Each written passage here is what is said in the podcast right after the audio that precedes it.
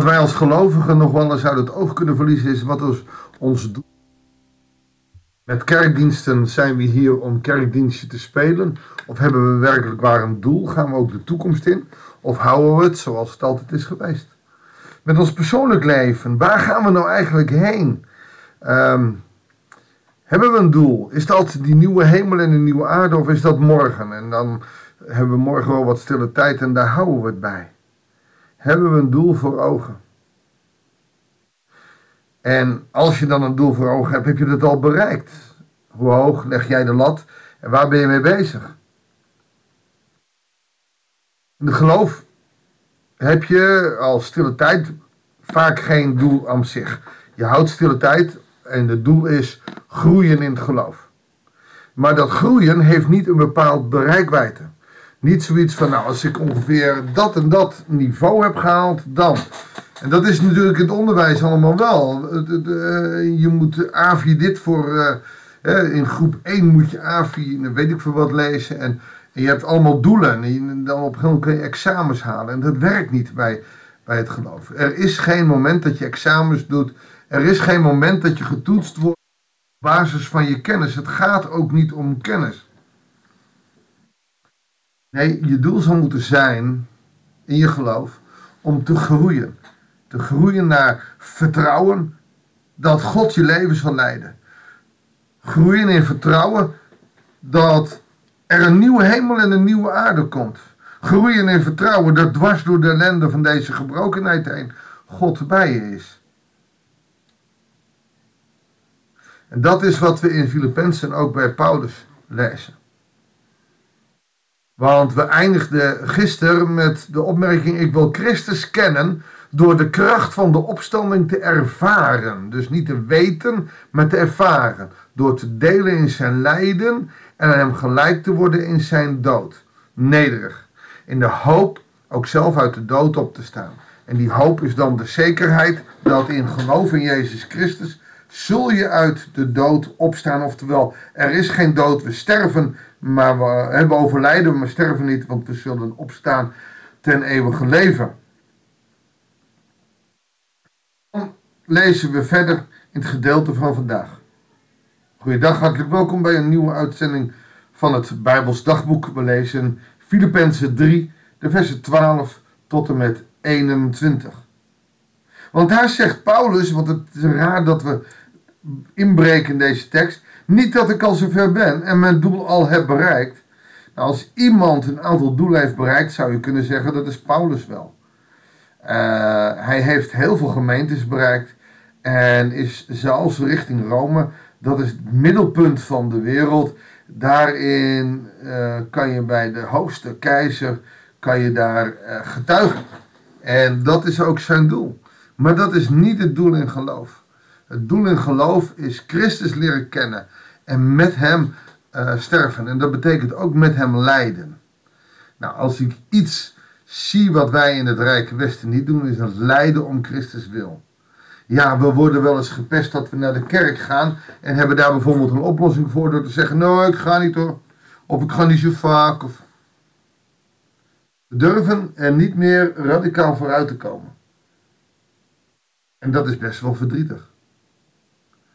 Terwijl als we hier zeggen dat we in God geloven, dat we christen zijn, dan word je er niet op veroordeeld. Ik heb wel eens te horen gekregen van iemand die zei, joh, jij zet op Facebook en op YouTube allemaal dingen over je geloof. Stel nou dat er islamisering komt. Zie je, pech. Dikke pech. Dan ben ik misschien als eerste aan de beurt om gevangen genomen te worden. En ik zal dat niet leuk vinden, ik zou het verschrikkelijk vinden. Maar het betekent niet dat ik het niet doe. Ik wil, ik wil getuigen. En als ik daardoor straks moet lijden, en ik gun het niemand en mezelf ook niet, want zo stoer ben ik niet, maar dan zal het zijn. Ik ga me er niet op inhouden. En zelfs christenen waarschuwen al, kijk uit wat je doet. Ja, niet dus. Dus hij is nog niet zo ver, maar ik doe mijn uiterste best. Nou, dat is ook meteen troost voor ons als we ons best maar doen. In de hoop te kunnen grijpen waarvoor Christus Jezus mij gegrepen heeft. Kijk, dit is mooi hè. Eigenlijk zouden we allemaal eens na moeten denken, oké, eh, wij geloven, Christus heeft ons uitgekozen om, om zijn kinderen te mogen zijn? Met welk doel heeft hij mij gegrepen in dit leven? er zijn mensen die hebben een uitgetekend plan. Oh ja, we gaan naar, de, uh, naar Afrika, we gaan de zending in. Genoeg mensen hebben dat niet en die blijven uh, in Nederland. Die blijven als elektromonteur of wat dan ook werken. Maar ook zij zijn gezondenen. Wat is het doel in jouw leven en, en, en, en hoe wil je daarmee aan de gang gaan? Ik denk dat het belangrijk is om daar zo nu en dan eens over na te denken. Ik moet dan denken aan wat mijn vrouw doet, die begeleidt zendelingen. En die, uh, die begint ook altijd, wat is je doel? Wat is je visie? Wat is je missie? Weet je dat wij als christenen gelovigen daar nooit over nadenken? Wat is je visie? Wat is je missie? Maar één ding is zeker. Broeders en zusters, ik beeld me niet in dat ik het al bereikte, maar één ding is zeker. Ik vergeet wat achter me ligt en richt me op wat voor me ligt. Dat is mooi. Als je vergeet wat achter je ligt, dan kun je ook niet zeuren. Vroeger was alles beter. En ik weet best wel dat het vroeger soms beter was. Dat de muziek van vroeger je beter lag. Dat de stijl, de liturgie van vroeger je beter lag. Dat de kerkdiensten van vroeger je beter lag. Maar we moeten naar voren kijken. Paulus zegt, we kijken naar voren. Ik ga recht op mijn doel af. De hemelse prijs waartoe God in Christus Jezus roept. Dus we hebben een hemelse prijs. Gekscherend zeggen we hier wel de hemelse punten. Als je lief bent voor elkaar, als je elkaar zegent, dan, dan bouw je als het ware schat in de hemel, hemelpunten. De hemelse prijs is de aanwezigheid bij God. Daar roept God ons in Christus Jezus toe. Weet wat je doel is. Namelijk die nieuwe hemel en de nieuwe aarde. Onderschat het niet. En ik weet wel, zegt God dan als het ware, jullie zitten er al 2000 jaar op te wachten, maar leef alsof morgen die dag komt. Heb dat voor ogen, dat je bij Christus, bij God mag zijn.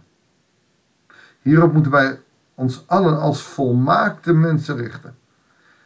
Zijn wij volmaakt? Ja, in Christus zijn wij volmaakt.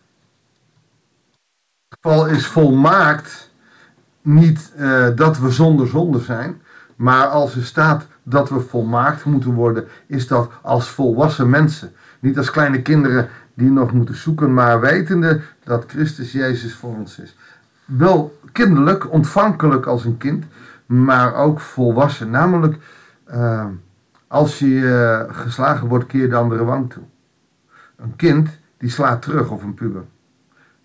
Dat is een beetje de volwassenheid. Dus hierop moeten we als volwassen mensen richten. Mochten er op enig punt anders over denken, dan zal God het u wel duidelijk maken. In ieder geval, en dat is niet alleen maar negatief, hè, zo van ik weet het beter. Als het uh, anders is, dan zal God het voor jouw leven ook uh, door de Heilige Geest aan je doorgeven. In ieder geval laten we op de ingeslagen weg voortgaan. En dat wordt uh, met de Filipijnse gedaan. Hij is niet bij hen, hij schrijft de brief. Laten we doorgaan in de richting die we hebben, samen hebben gekozen, namelijk Jezus Christus volgen.